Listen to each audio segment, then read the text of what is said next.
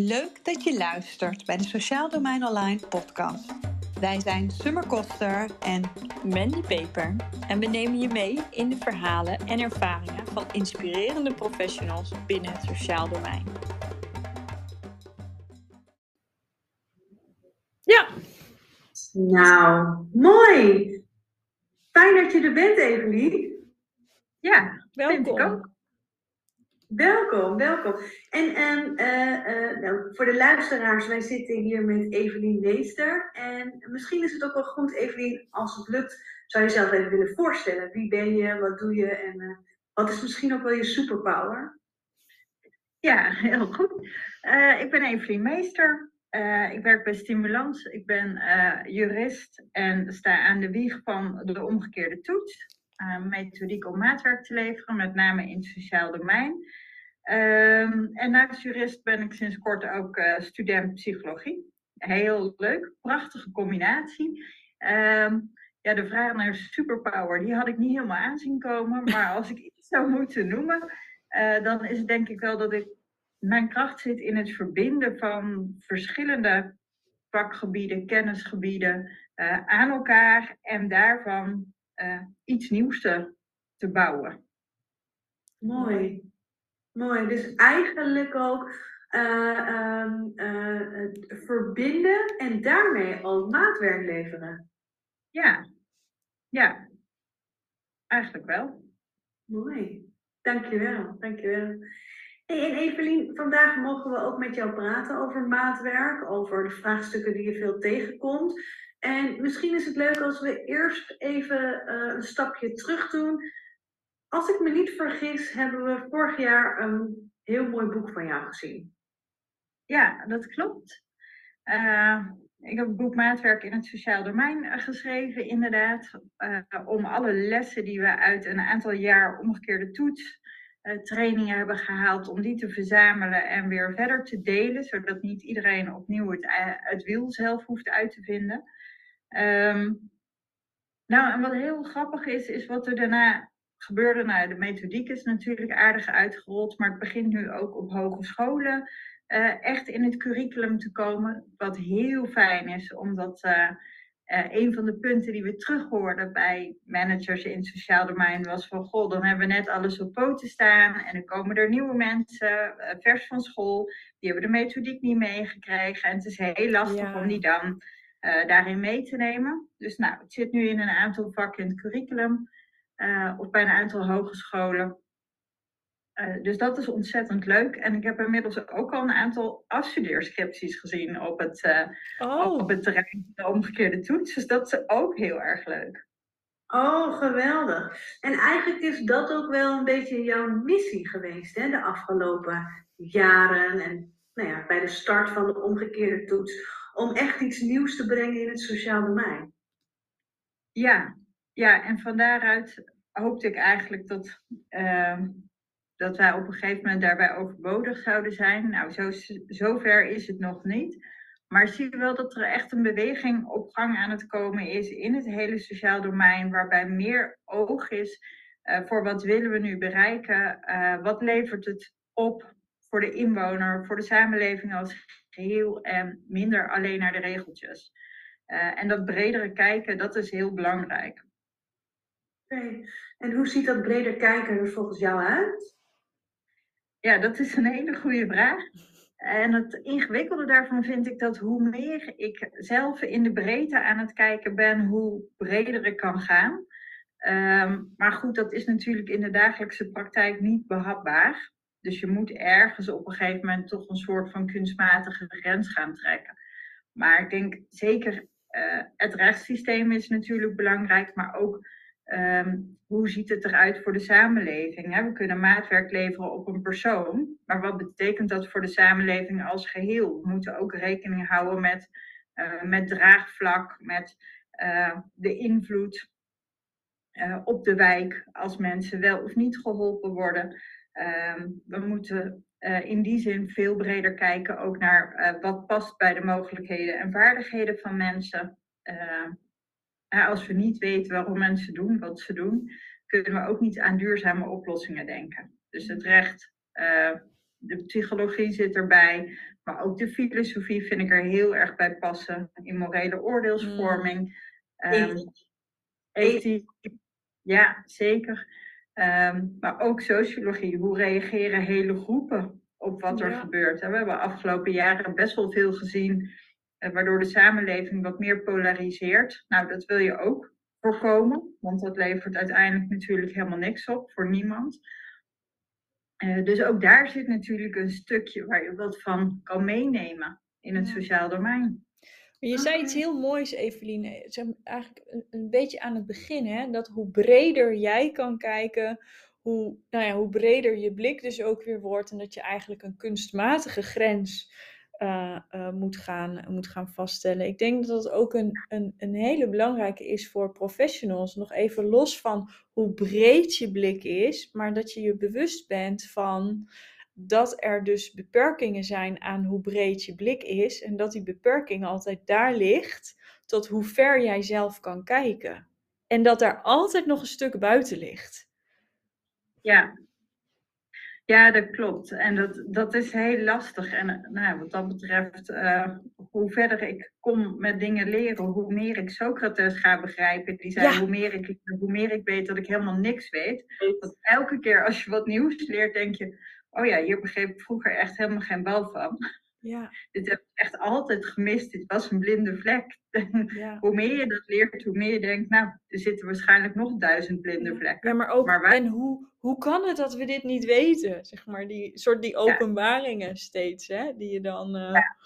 Ja, of juist ook heel veel dingen denkt, oh, maar dat, natuurlijk weten we dat al. Dat is namelijk heel vaak wat je ook hoort. Ja, maar dat doen we al. Op maatwerk leveren we al. Terwijl als je toch stil gaat staan en uitzoomt, dat je denkt, nee, nee, misschien door de waan van de dag ben ik eigenlijk altijd aan het appelleren op een, nou ja, eigenlijk aan het eh, reactief reageren op een, op een symptoom of een situatie, maar niet breder aan het kijken naar eigenlijk breder aan het uitzoomen. Ja, ja.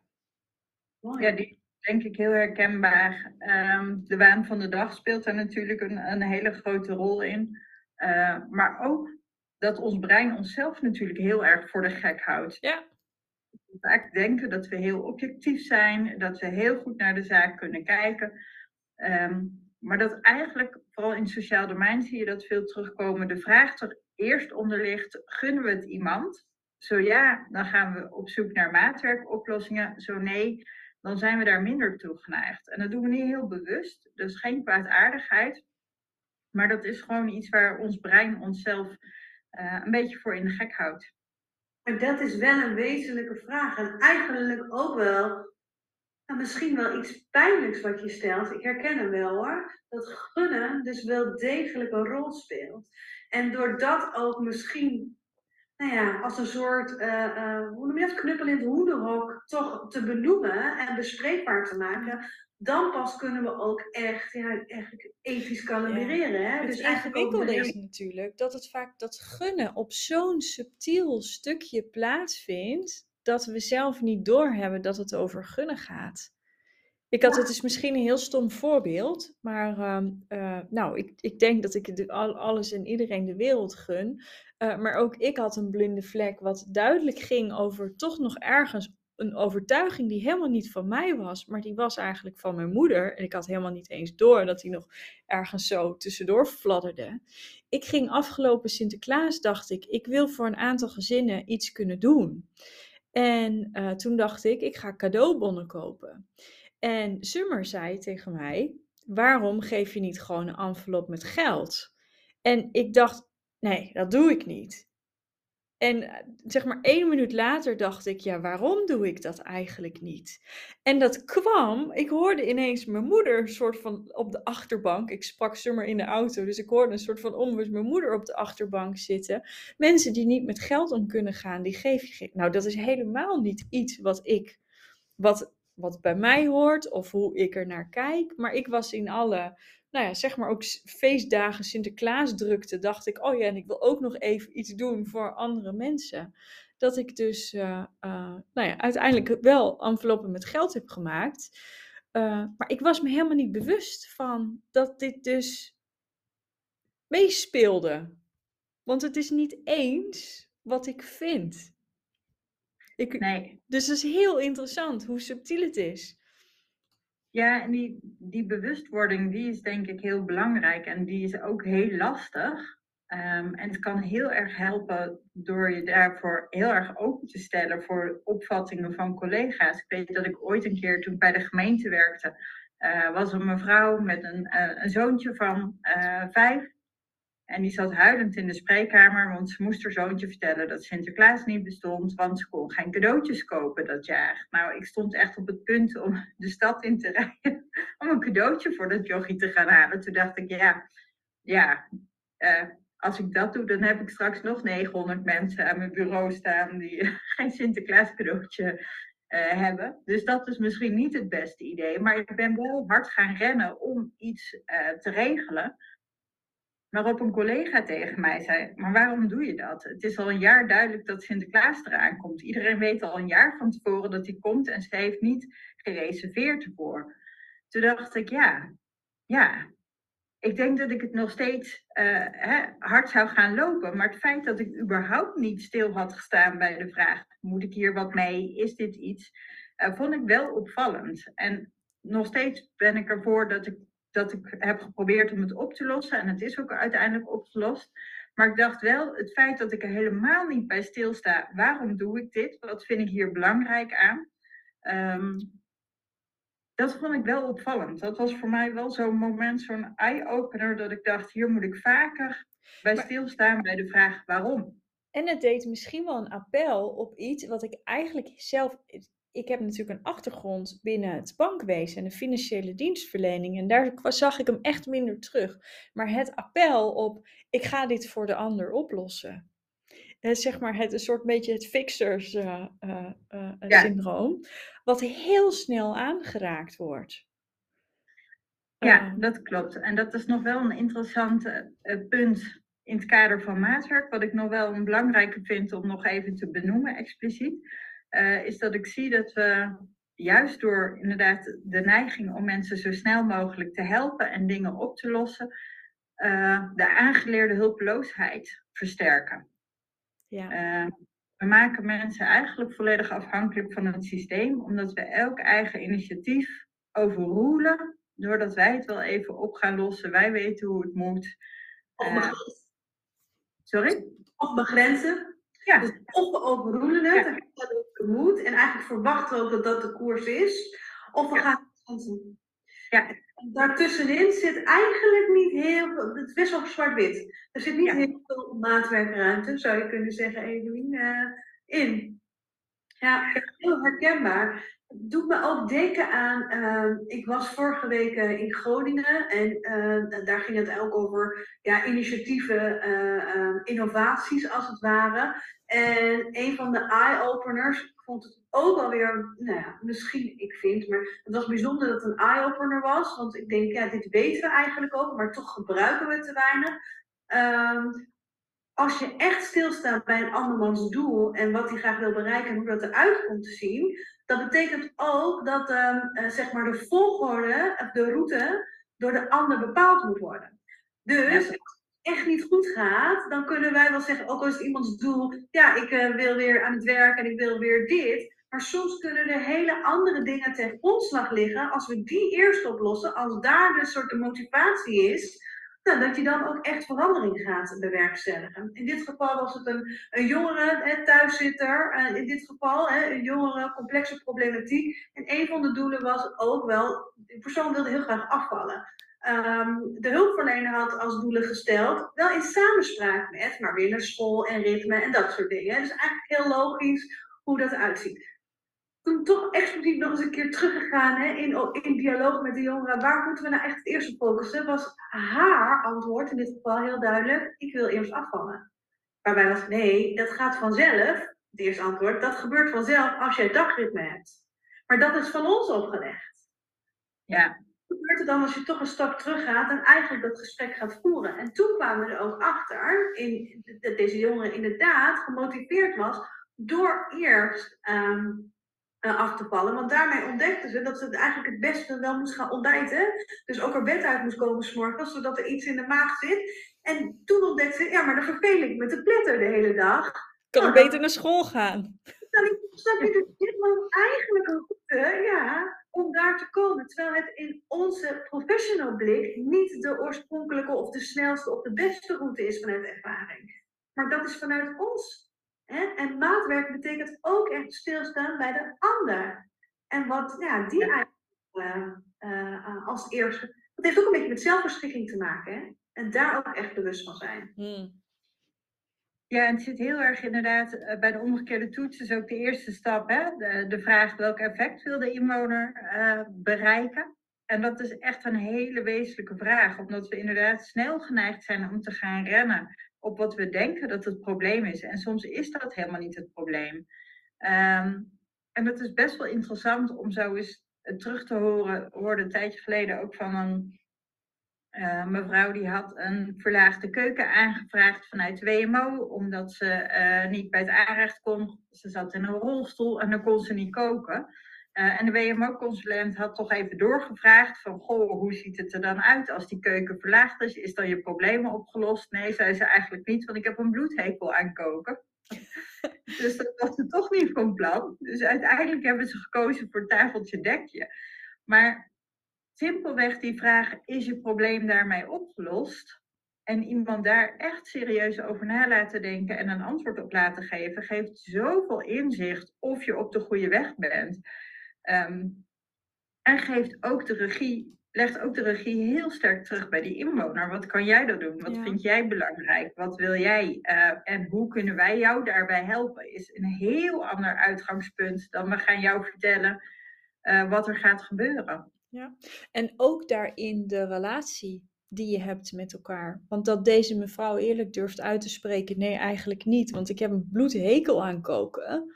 Dat was potentieel misschien wel, ja, dan ga ik die keuken niet krijgen. En wat dan wel? En dan heb ik helemaal niks. En dat is Ja. natuurlijk ook iets wat we met de beste bedoelingen in, in de waan van de dag vergeten. Dat we per definitie niet in een gelijkwaardige relatie aan tafel zitten. Dat er echt sprake is van, van macht en afhankelijkheid. En we daar Ja. niet voldoende eh, tijd en ruimte voor nemen om daarbij stil te staan. Of in elk geval bewust van te zijn dat het zo is. Want we kunnen dat natuurlijk niet wegnemen. Maar dat vraagt ook wel weer bewustzijn op. Hey, hoe zitten wij hier eigenlijk aan tafel? En hoe, ja, hoe doen we dat dan met elkaar? Ja, dat is zeker, zeker een heel belangrijk aspect.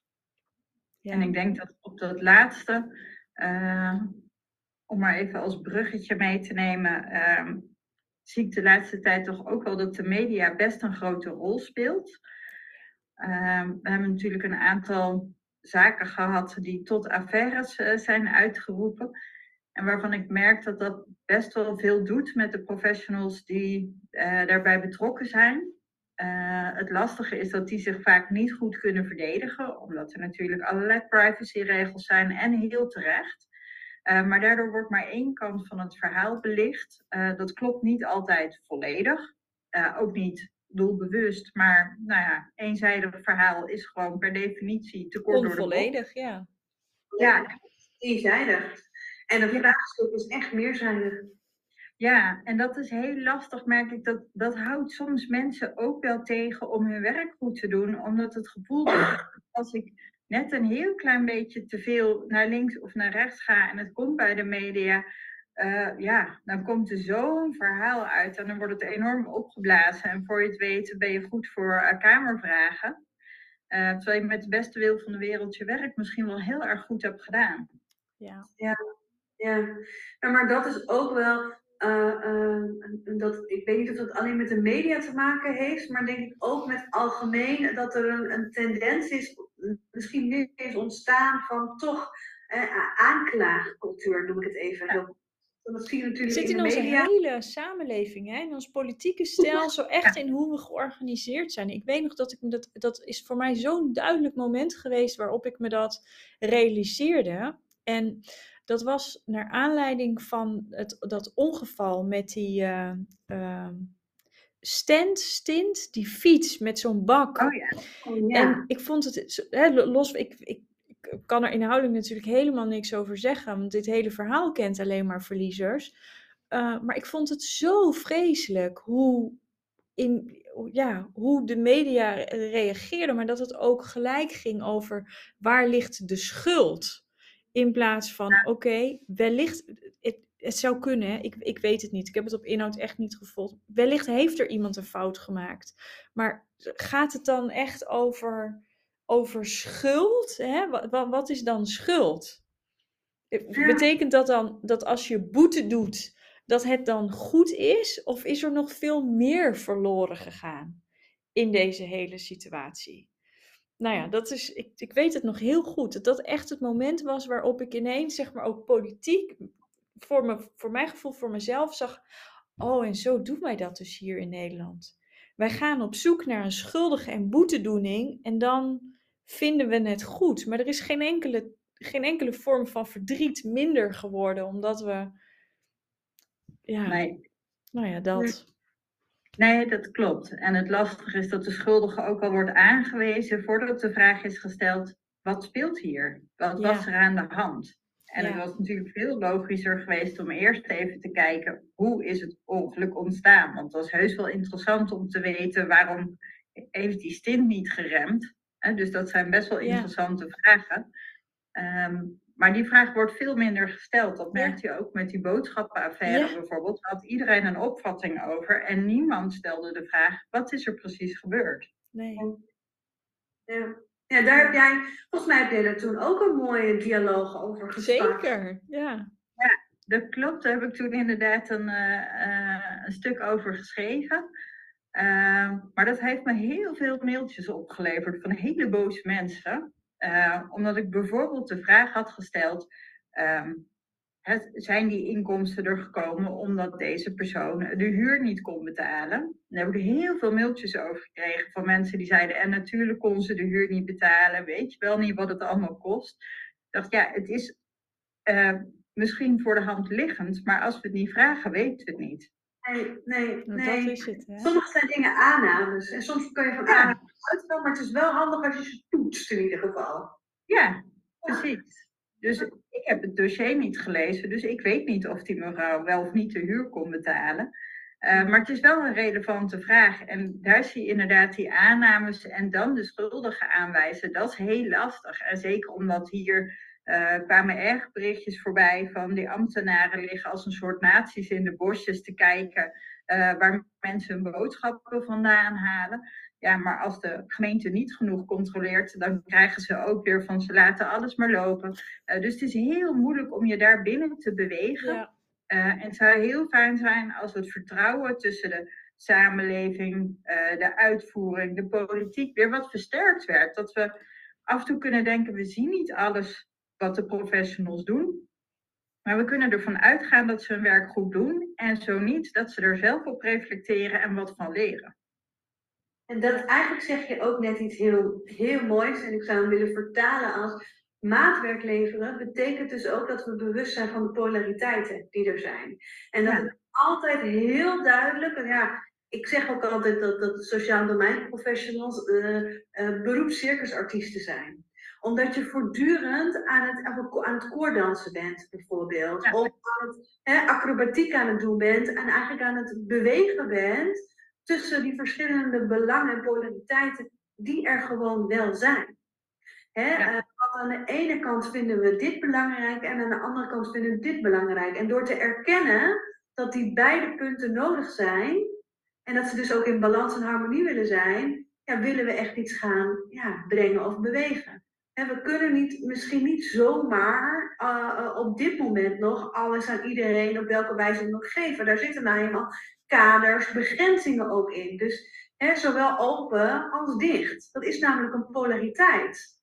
En daar ook bewust van zijn dat dat meespeelt in oordeelsvorming en ook in de beoordeling. Want als je het gevoel hebt dat ergens te veel gegeven is, zul je altijd aan de andere kant misschien te veel gaan nemen. Dat is namelijk een soort wetmatigheid die dan eigenlijk uh, tot stand komt. En dat is ook wat de professional uh, nou, binnen, of de gemeente in dit geval ook, ja, ook mee worstelt. En dan heb je inderdaad nog, waar we het net ook over hadden, over een vorm misschien van politieke lading of medialading. Ja, Ja, dat, dat klopt. En ik denk dat dat bewustzijn en van daaruit wat meer begrip voor elkaar er ook toe bijdraagt dat mensen uh, fouten uh, durven zien. Ja. En daar durven reflecteren en daarvan durven leren. Want ik denk ook dat een aantal van die fouten die we hebben gezien, die de afgelopen jaren te lang zijn doorgegaan, dat dat ook komt omdat je best wel hard wordt afgerekend als je toegeeft dat er iets fout gaat. Ja. En dat nodigt er ook niet uit om daarvoor uit te komen uh, en te, te erkennen van hier is iets niet goed gegaan. Jongens, wat gaan we ervan leren? Hoe gaan we het beter doen? En dus als het ons lukt om in dat maatwerkstuk bedding te creëren, waarin er geleerd mag worden, waarin er fouten gemaakt mag worden.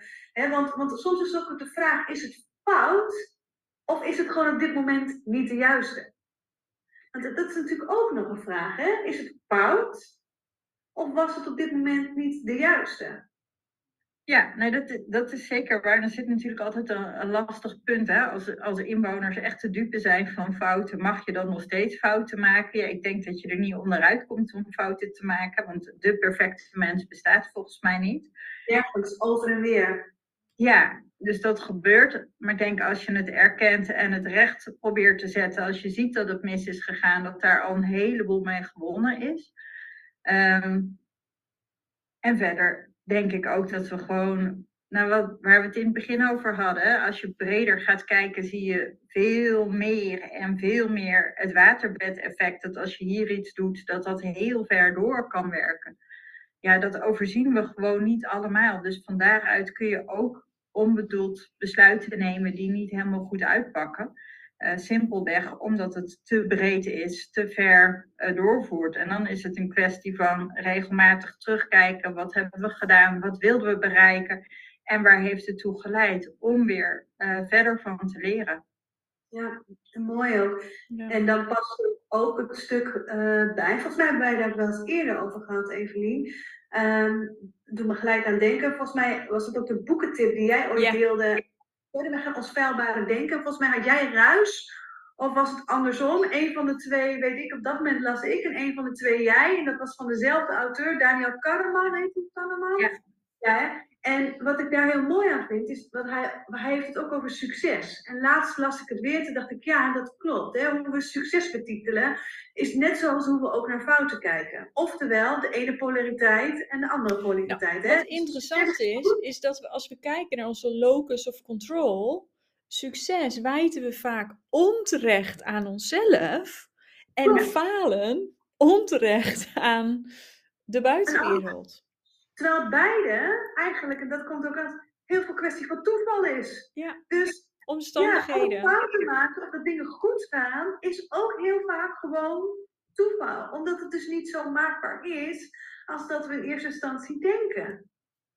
Ja. ja, het is ook een cultuurding, hè? want bij de, de individualistische samenleving zoals die van ons, uh, vinden we succes aan onszelf te danken en falen aan de rest van de wereld. In de collectivistische samenleving is het andersom. Als mensen dan een medaille winnen of een prijs winnen, zeggen ze: Ik heb het te danken aan mijn ouders, aan mijn omgeving. En als ze falen, zeggen ze: Ik heb het niet goed genoeg gedaan. Ja. Dus dat is ook iets van, van onze van samenleving. ja. Ja, mooi. Ik, uh, nou, we zijn alweer bijna een half uur onderweg. Nou, zo snel? Ja, nog één minuut. Oh, dat gaat heel snel. Ja. Nou, het is ook zo fijn om met je te praten, Evelien. Hey, als je dan de laatste één minuut nog iets graag wilt teruggeven uh, aan de luisteraar, welke boodschap mag nog gehoord worden? Nou, ik denk dat het allerbelangrijkste is dat je gewoon altijd, elke dag blijft leren, nieuwsgierig blijft en een open houding houdt. En van daaruit komt de rest wel. Mooi. Mooi. En dan kun je ook misschien het proces dragen als het niet zo goed gaat. Zeker. Ja. Mooi. Dankjewel.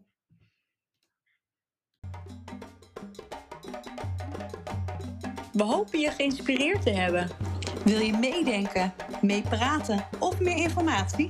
Volg ons op social media of ga naar sociaaldomeinonline.nl.